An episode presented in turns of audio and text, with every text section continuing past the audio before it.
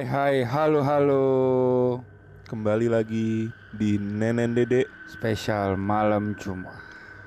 Waktunya cari pahala. Waktunya melawan seribu setan. Oke deh Seperti biasa Hmm. kalau malam Jumat Nenen Dede akan Tempur. menghadirkan Akan menghadirkan kisah-kisah Kisah-kisah Horor. horor. yang ada di sekitar kita Dan kebetulan malam ini kita dari kita mendapatkan sebuah kisah Ya dari jadi salah satu pendengar setia Nenek Dede. betul Siapa sekali. nih namanya Nen? Eh, Kita dapat cerita di Instagram Dari Faustina Ramadhani Hmm. Jadi dia Cakep kebetulan Nen Instagram. oh enggak. Instagramnya cakep Orangnya juga Oh cantik kok cakep cakep. Mm-mm. Jadi Hmm. kebetulan dia itu dengerin uh, episode minggu lalu Hmm. tentang Lawang Sewu Oke. Dan dia ngirimin cerita ke kita. Mm-mm. Kebetulan kayak dia orang Semarang. Jadi dia mengirimkan uh, salah satu tempat yang dikenal angker juga di kota Semarang. Mm-mm. Tadi kita nggak tahu tentang tempat ini Den ya. Mm-mm. Sampai akhirnya dia cerita uh, itu tempatnya namanya Wonderland. Wonderland atau Wonderia ya? Wonderia sorry Wonderia. Wonderia. Wonderia. Jadi Wonderia ini adalah salah satu tempat eh, rekreasi, bekas tempat rekreasi Mm-mm. yang sekarang udah tutup. Dan Oke. ternyata setelah kita research emang banyak banget cerita-cerita Mm-mm. angker yang ada di sana. Padahal tutupnya nggak lama dia, kurang lebih tahun 2017 kalau nggak salah. Iya, sekitar tahun itulah dia Mm-mm. tutupnya itu. Nah, ceritanya ini dimulai dari pada saat pembangunan tempat ini emang. Mm-mm. Katanya tempat ini itu dibangun di bekas tanah kuburan. Mm-mm. Jadi banyak kuburan-kuburan yang akhirnya dipindah secara paksa. Mm-mm. Bahkan ada yang nggak dipindah, Cuma ditimbun kan? ditimbun. Bahkan kalau kita research ternyata di sana juga masih ada kuburan-kuburan yang masih ada, masih ada wujud kuburannya gitu. Dan juga kalau kita pas riset itu di sana banyak sumber air yang ditutup. Iya betul karena katanya di sana itu dulunya itu rawa bekas ya rawa lah rawa kan berarti tempat sumber air kan Hmm. gitu. Nah cerita dari salah satu sobi nyotot ini kita bacain aja langsung ya. Jadi ceritanya itu dia ke sana bersama dengan adiknya Mm-mm. dan adiknya ini memang indigo. Ini posisinya indigo. udah tutup atau buka? masih buka. Oh buka. Eh, jadi masih beroperasi normal. Eh, dia ngajak adiknya ke sana. Mm. Nah, adiknya ini memang eh, anak indigo atau eh, orang yang memang bisa punya Suka kekuatan minum lebih. Kopi sama gula aren ya. Itu Indi. Wah. Nggak pakai go. anak senja dong adiknya. Sembilu yang dulu. gitu. Nah, jadi pada saat dia berkunjung ke sana, adiknya ini yang harusnya anak kecil tuh kan harus seneng ya kalau dibawa ke tempat bermain Mm-mm. gitu. Nah katanya adiknya ini mulai memperlihatkan ekspresi kurang seneng gitu waktu dibawa nyaman sama tempat itu. nyaman. Nah apalagi pada saat adiknya ini dibawa ke salah satu wahana yaitu wahana rumah hantu. Kenapa di sana Nen? Nah, waktu di sana eh, adiknya tuh kayak segera minta untuk pulang. Jadi setelah masuk ke rumah hantu itu, adiknya tuh bener-bener minta pulang gitu, Mm-mm. Nggak mau lagi. Katanya sosok-sosok yang ada di rumah hantu itu dia sempat lihat juga di luar rumah hantu. Berarti yang dia lihat di dalam gambaran rumah hantu itu sempat dia lihat pas di luar ya? Iya, gitu. Dan Oh. dia bilang bahwa itu bukan orang, Itu itu itu sosok yang bener-bener ada di situ Oke. gitu. Nah, terus waktu dia, nah katanya waktu pas masuk rumah hantu itu, waktu di Hmm. loker, eh Hmm. loker lagi loket, Mm-mm. Itu tuh ada kayak lorong gitu menuju loket dan di situ ada mural. Mm-mm. Nah, mural itu gambar-gambar eh, sosok-sosok eh, mistis lah gitu. Hmm.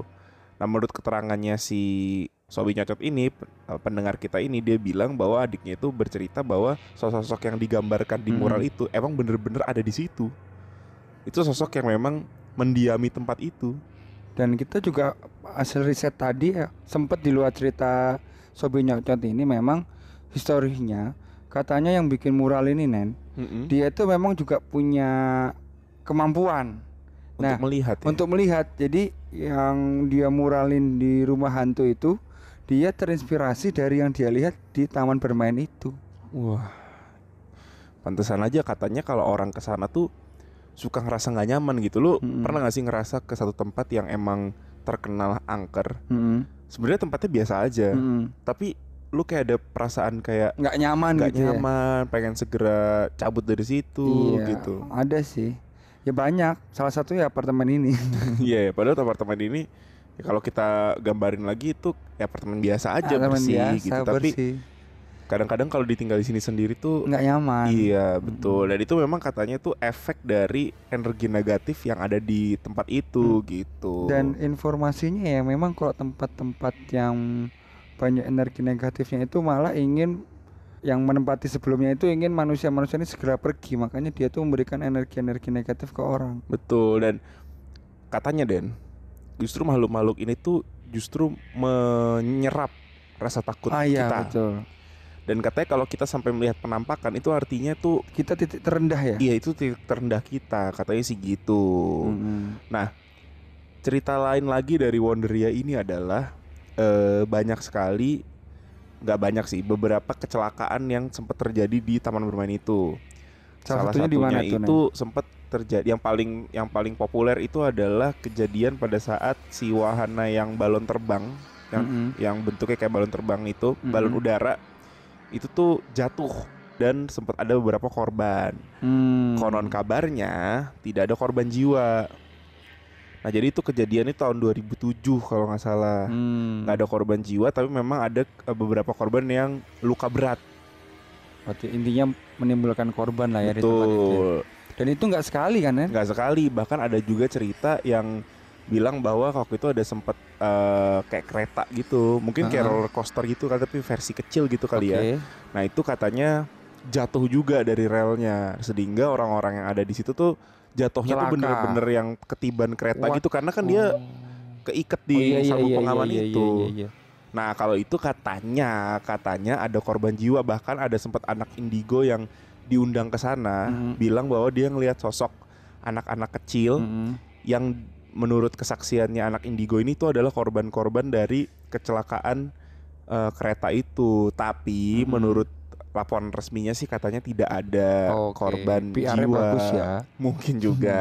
Jadi kita nggak tahu Iya. apakah memang itu adalah eh, Beneran atau enggak ya? uh, uh, ada korban yang dari meninggal kereta atau itu enggak? atau enggak gitu. Karena memang kalau kita research di internet itu simpang siur beritanya. Ada yang Betul. bilang ada yang korban meninggalnya ada, Mm, ada yang satu berita nggak ada, mm, ada yang berita bilangnya di sana aman-aman aja. Cuman betul. kita eh, cerita ini berdasarkan salah satu pendengar Sobi Nyot Nyot. Betul. Dan ternyata memang pernah mengalami sendiri juga nih Mm-mm. gitu. Dan ternyata setelah kita research banyak juga yang memang eh, menceritakan kisah horor yang ada di sana. Tapi aku penasaran ini, kan Hmm. di Indonesia ini kan banyak wahana-wahana, Hmm, banyak hotel-hotel yang terbengkalai. mm-mm. Eh, maksudnya ada yang karena krisis atau karena bencana akhirnya mereka terbengkalai. Betul. Nah, kamu ada nggak ini cerita lagi terkait wahana atau hotel atau apa yang eh, dulunya mungkin rame, Mm. terus akhirnya sepi segala macam. Oh ada Den. Jadi di Bandung ini cukup terkenal juga nih. Mm-mm. Jadi di Bandung itu ada salah satu bekas wahana bermain juga namanya Hmm. Kampung Gajah. Oh iya. Nah itu Kampung Gajah itu dulunya tuh tempat bermain yang cukup gede. Bahkan gue dulu pernah ke sana. Dan kamu di mobilmu ada stikernya kan dulu Panther. Ada nggak ya? ada tuh. stiker Kampung Gajah gitu. Mungkin ada kali ya. Gue Mm-mm. juga agak lupa. Pokoknya gue pernah main ke sana Mm-mm. lah gitu. Dan emang untuk ukuran taman bermain waktu itu tuh ukurannya cukup luas. Mm-mm. Luas Ini di. Bandung ya? Di Bandung. Nah tapi sekarang itu tempatnya itu udah tutup Mm-mm. dan bener-bener terbengkalai yang kayak sampai ada salah satu orang yang pernah ke sana waktu pada saat ini kondisi udah tutup ya Iya. itu bilang bahwa si kampung gajah itu mirip Chernobyl katanya setelah Oh, kena saking sepinya ya. saking sepinya dan saking berantakannya Mm-mm. nah memang ada beberapa cerita juga eh, dari teman-teman kita yang pernah berkunjung ke sana setelah si kampung gajah ini tutup Mm.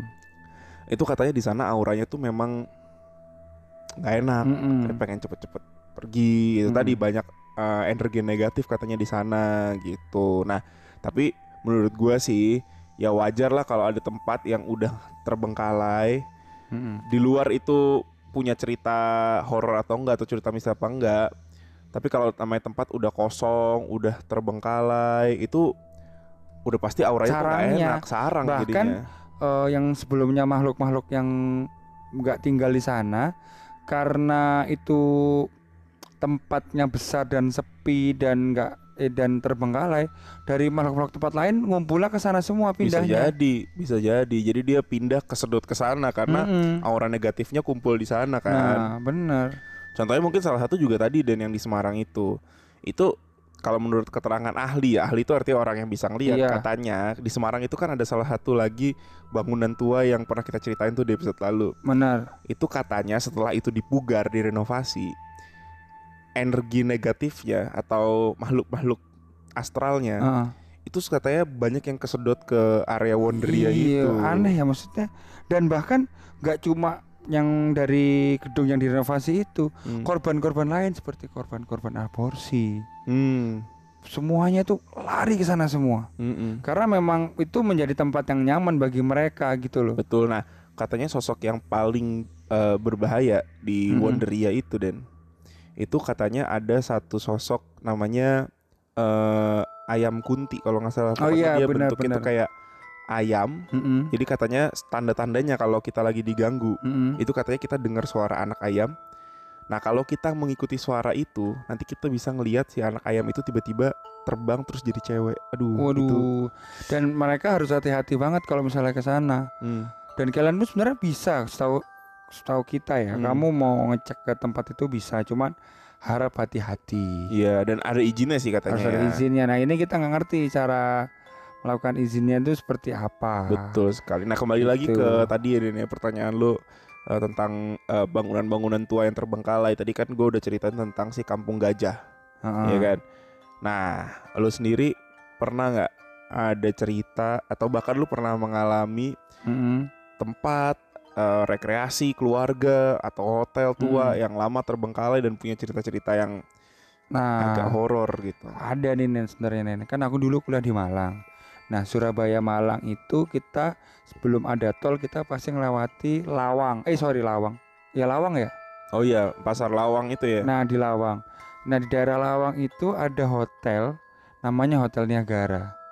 Itu hotelnya oh, masih tahu gue. bener. Itu hotelnya tuh masih buka sebenarnya sampai sekarang. Hmm. Tapi nggak tahu lagi ya kalau tutup atau enggak. Tapi setengah setauku waktu aku terakhir di Malang sekurang sekitar empat tahun yang lalu itu masih buka. Hmm.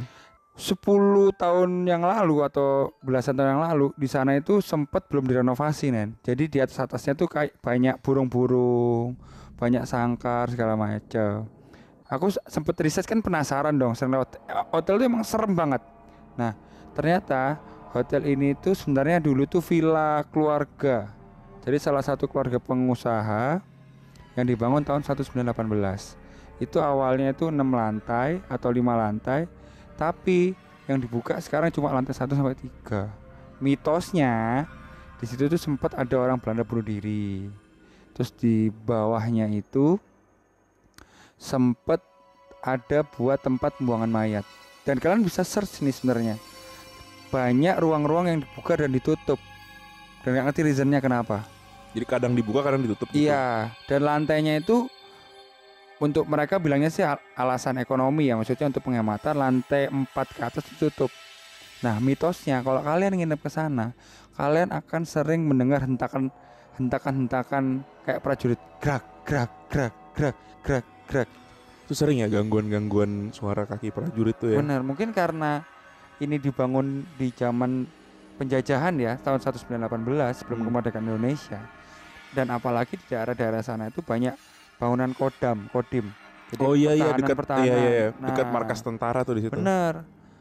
Eh, ini akan menjadi masuk akal sih menurutku karena kan kalau misalnya kita lihat dari cerita yang di Wonderia, tempat yang nyaman bagi mereka itu akan menjadi tempat tujuan. Nah mungkin ini salah satunya nih. Gitu. Bener bener bener bener. Nah, iya sih gue juga sering lewat dulu kan Hmm. kalau pas ke Nah, Surabaya. Sebenarnya Nen di Lawang itu juga ada tempat horor juga. Gue tahu yang sebelumnya hotel kan kalau dari Surabaya, Nah, iya. yang villa di atas Villa, itu, iya. betul. Nah, tapi ini kisah aku diceritain ceritain sama temanku sih. Hmm. Ceritain sama guru-guruku. Nah, ini villanya itu waktu aku zaman SMA berarti kurang lebih 15 tahun yang lalu. Hmm. itu villa itu masih buka dan masih disewakan untuk umum. Mm-mm. Villa itu di belakangnya ada kuburan cuy. Mm-mm. Nah, villa itu di, di belakangnya ada kuburan. Aku masih ingat. Jadi guru-guruku tuh cerita. Ada dua kejadian yang guruku cerita. Pertama di kamar. Nah, itu kan kamarnya lumayan banyak. Mereka itu satu kamar jatahnya orang dua. Acara perpisahan atau acara apa aku lupa. Nah, aku lupa nama gurunya. Misalnya si A nih. Dia tuh tidur aja di kamar. Terus dia bilang, "Pak, aku tak jalan dulu ya." Terus dia bilang, iya aku nunggu di sini tidur. Dia tutupan selimut pak, tutupan selimut terus lama. Akhirnya guruku ini si B, dia masuk ke kamar tidur juga. Terus Mm-mm. jam 3 kebangun dong. Iya.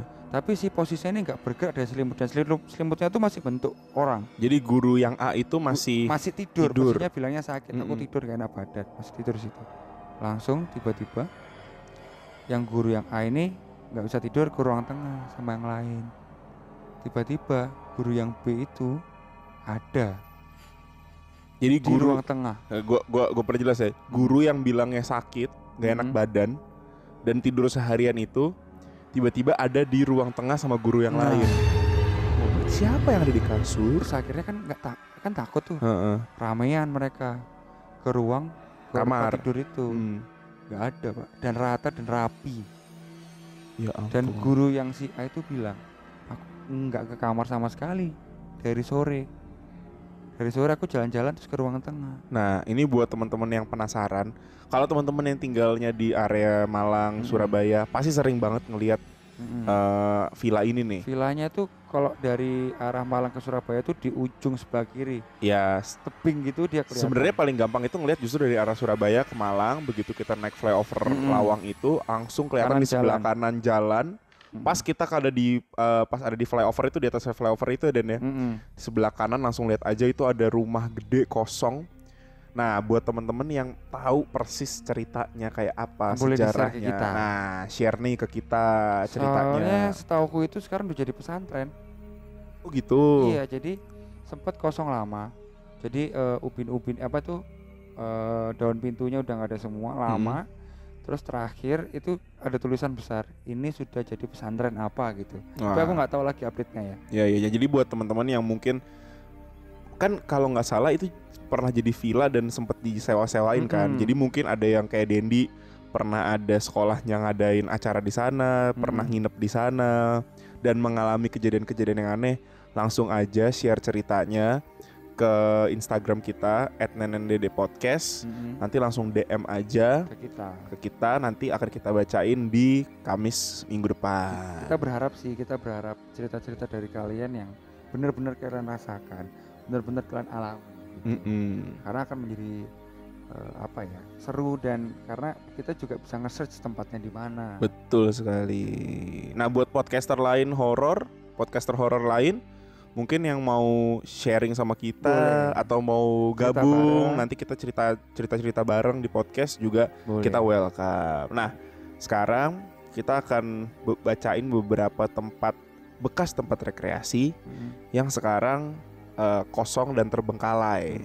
Oke, yang pertama, yang pertama itu tadi udah kita ceritain si Kampung Gajah Wonderland Hmm. tadi Den ya. Jadi sekarang dia tuh tempatnya udah terbengkalai, udah berantakan dan memang sudah tidak ada yang udah kosong lah. Mm-mm. Jadi auranya emang gak enak. Nah yang kedua itu ada Bounty Beach Club Bungalow.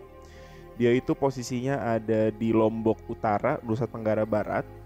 Jadi penginapan pantai pribadi ini berada di pedalaman Gili Meno, Mm-mm. salah satu pulau-pulau gili-gili gitu. Nah sebelumnya penginapan ini menawarkan sensasi ketenangan, ya biasalah kalau Mm, di pinggir pantai di Gili gitu kan apalagi. Nah memang karena lokasinya itu yang lu tahu kan kalau Gili kan lokasinya jauh dari Mana-mana. kota, jadi ke mana-mana harus naik sepeda, jadi tuh adem tenang gitu. Nah tempat ini tuh ditutup pada tahun 2002 dan sudah tidak lagi beroperasi. Kini tempat ini hanya menyisakan aura yang menyeramkan Mm-mm. dan tidak terurus. Aku sempat Gitu. baca juga untuk yang Bounty Club ini Nen, Hmm. itu ada dua versi. Jadi memang dulunya itu menjadi sepi gara-gara peristiwa bom Bali. Mm-mm. Jadi peristiwa bom Bali yang ada di Legian Hmm. mengakibatkan kan peristiwa rusak tuh di daerah Bali. Mm-mm. Itu sepi akhirnya kosong sampai sekarang. Ini kan di Lombok, sayang. Mengaruh ke Bali dong. Oh, ngaruh dari Bali. Ngaruh dari Bali. Oh, gitu. Bukan efek ledakannya, Oh, cowok. iya, iya. Ef- Efek, pariwisatanya. Hmm. akhirnya kosong. Dan yang kedua, ada yang pemiliknya itu mati secara mendadak di situ. Pemilik dari si Bungalow-nya bungalow itu. itu. Makanya akhirnya, tapi memang gitu sih dan biasanya ya kalau udah ada cerita-cerita gitu, itu biasanya sangat berpengaruh sama minat orang untuk datang ke sana Mm-mm, gitu. Dan itu biasanya efeknya jadi efek domino tuh, jadi Mm-mm. sepi, akhirnya nggak terurus, ya akhirnya itu aura negatif, energi negatif tuh ngumpul di situ. Benar. Nah yang kedua, kali ini beneran dari Bali nih Dan, Taman Festival di Bali. Jadi Taman Festival ini didirikan pada tahun 1997. Jadi di sini tuh banyak taman bermainnya juga Mm-mm. ya. Nah, pada tahun 2012 dia tuh mengalami kebakaran Oke. dan akhirnya sekarang tutup secara permanen dan terbengkalai. Nah, buat teman-teman yang ada di Bali mungkin bisa sharing juga cerita ke kita juga apa sih yang sebenarnya terjadi sama si taman festival yang ada di Bali ini. Mm. Oke, next selanjutnya monggo Den silakan. Ada lagi ini Pondok Indah Bedugul Taman Rekreasi Hotel. Ini letaknya jelas ada di Bedugul ya, sesuai judul. nah, ini banyak cerita sih di sini. Cuman yang paling kontradiktif ini ini kan karena bangunan yang dibangun tahun 90-an. Ya. Tapi sempat ditutup padahal belum sempat bero- beroperasi. Informasinya gara-gara ada tamu atau pekerja konstruksi di sana yang sering diganggu makhluk gaib. Bahkan katanya si pekerjanya itu sempat hilang satu persatu Den Mm-mm. di sana itu. Dan gue tahu bangunan ini karena kan kebetulan gue kan rumahnya di Singaraja. Mm-mm, Eh, kalau mau ke Denpasar pasti lewat Bedugul. mm-mm. Dan emang bangunan itu auranya luar biasa sih. Masih ada sampai sekarang. Masih Mas? ada Den sampai sekarang. Oh. Nah kita kan tahun baru nih mau ke sana nih. Mm, Nanti iya, gua nanti kamu yang lihat ya. wah emang bangunannya itu bener-bener kayak bangunan belum jadi. Mm-mm. Nggak salah kalau di sini ceritanya adalah dia belum sempat beroperasi tapi sudah tutup. Tutup. Karena emang bener-bener kelihatan bangunan tuh yang kayak 70% jadi ya? jadi gitu loh. Terus udah ditutup Oke. dan udah nggak ada penghuninya sekarang. Mm-mm, Gue sempet eh, waktu itu nonton di YouTube mm. Ada kayak vlogger gitu bule. Oh, yang ke tempat Akhirnya dia ke sini sama teman-temannya dan memang menurut pengalamannya dia di situ ya, dia bukan vlogger mistis, Mhm. bukan bukan bukan yang horor-horor gitu, dia vlogger liburan biasa gitu. Mm-mm. Tapi waktu di sana pun dia tuh sempat ngalamin beberapa kejadian aneh gitu, kayak Hmm. ada dilempar batu, Hmm. terus tiba-tiba di satu ruangan tuh tiba-tiba ada yang lewat, ada bunyi, itu tuh Hmm. emang beneran kejadian gitu. Nih dari kota kelahiran lu nih. Nah, terus emang ada lagi nih dari THR. Pasti teman-teman angkatan kelahiran 93 pasti pernah ke sini dan dulunya sering ke sini THR di kota di kota Surabaya. Nah, memang dulu tempat ini rame ya. Cuman tahun 2018 atau 2017 sempat tutup gara-gara terkait perizinan cuy. Tapi sekarang ini tempat ini jadi ya terlihat angker. Tapi memang dulunya angker sih. Karena eh, ada salah satu wahana itu kalau nggak salah aku lupa nama wahananya ya. Jadi kayak roller coaster cuma bisa lepas cuy. Jadi kita naik tek tek tek tek, dilempar gitu. Nah, informasinya di sana sempat ada yang pakai pakai sabuk pengaman lepas sampai meninggal. Itu mitos ya. Waktu kecil sering ceritain itu. Tapi memang di sana sih hawanya nggak enak, apalagi sekarang udah tutup. Tapi nggak tahu deh sekarang kita masih bisa ke sana buat ngelihat atau atau benar-benar udah ditutup sama pemerintah kota Surabaya sih. Tapi dan kalau ngomong-ngomong soal Surabaya, Mm-mm. itu emang banyak banget terkenal tempat-tempat mistis. Mm. Salah satu yang paling terkenal adalah Rumah Darmo. Oh iya benar. Sih? Mm-mm. Nah, untuk episode minggu depan Mm-mm. kita akan ngomongin rumah-rumah di Indonesia yang terkenal angker. Mm-mm. Salah satunya adalah Rumah Darmo. Betul. Jadi buat teman-teman di Surabaya yang punya cerita tentang rumah angker, apalagi Rumah Darmo, Mm-mm. itu monggo Boleh silakan di share ya. ceritanya. Nanti akan kita bacain di minggu depan. Mm-mm. Yang di Malang pun juga gitu, ada rumah ijen juga. Rumah Ijen, rumah angker Ijen. Nah, itu teman-teman yang di Malang, monggo silahkan Hmm. diceritain kalau punya cerita tentang rumah ijen, boleh backgroundnya, boleh kenapa akhirnya dia Betul. jadi angker, atau teman-teman pernah sendiri ngalamin ke Nah. sana. Karena zaman kita dulu kuliah, banyak kan anak-anak yang pengen penasaran, nyoba Uji ke nyali rumah, ke sana. Heeh, Ke rumah Ijen. rumah ijen gitu. Atau ada tempat-tempat lain, rumah-rumah Hmm. lain yang kita nggak tahu, Boleh di-share. tapi terkenal angker. Apalagi kalau kalian nge-share sama fotonya sekalian ya. betul, itu malah lebih oke sih. Jadi kita Betul. bisa experience lah untuk ngelihat lokasinya kayak gimana gitu. Betul. Nanti kita kita bacain di minggu depan kayak si Sobi Nyotet yang tadi cerita tentang uh, Wonderia. Mungkin eh, sekian untuk edisi malam Jumat Kliwon. Waduh. Waduh, pakai Kliwon. Jadi sampai ketemu lagi di Nenek Dede Podcast Mm-mm. spesial malam Jumat. Bukan neneknya Dede Dede, Tapi Nendra dan Dendi. I'm loving it.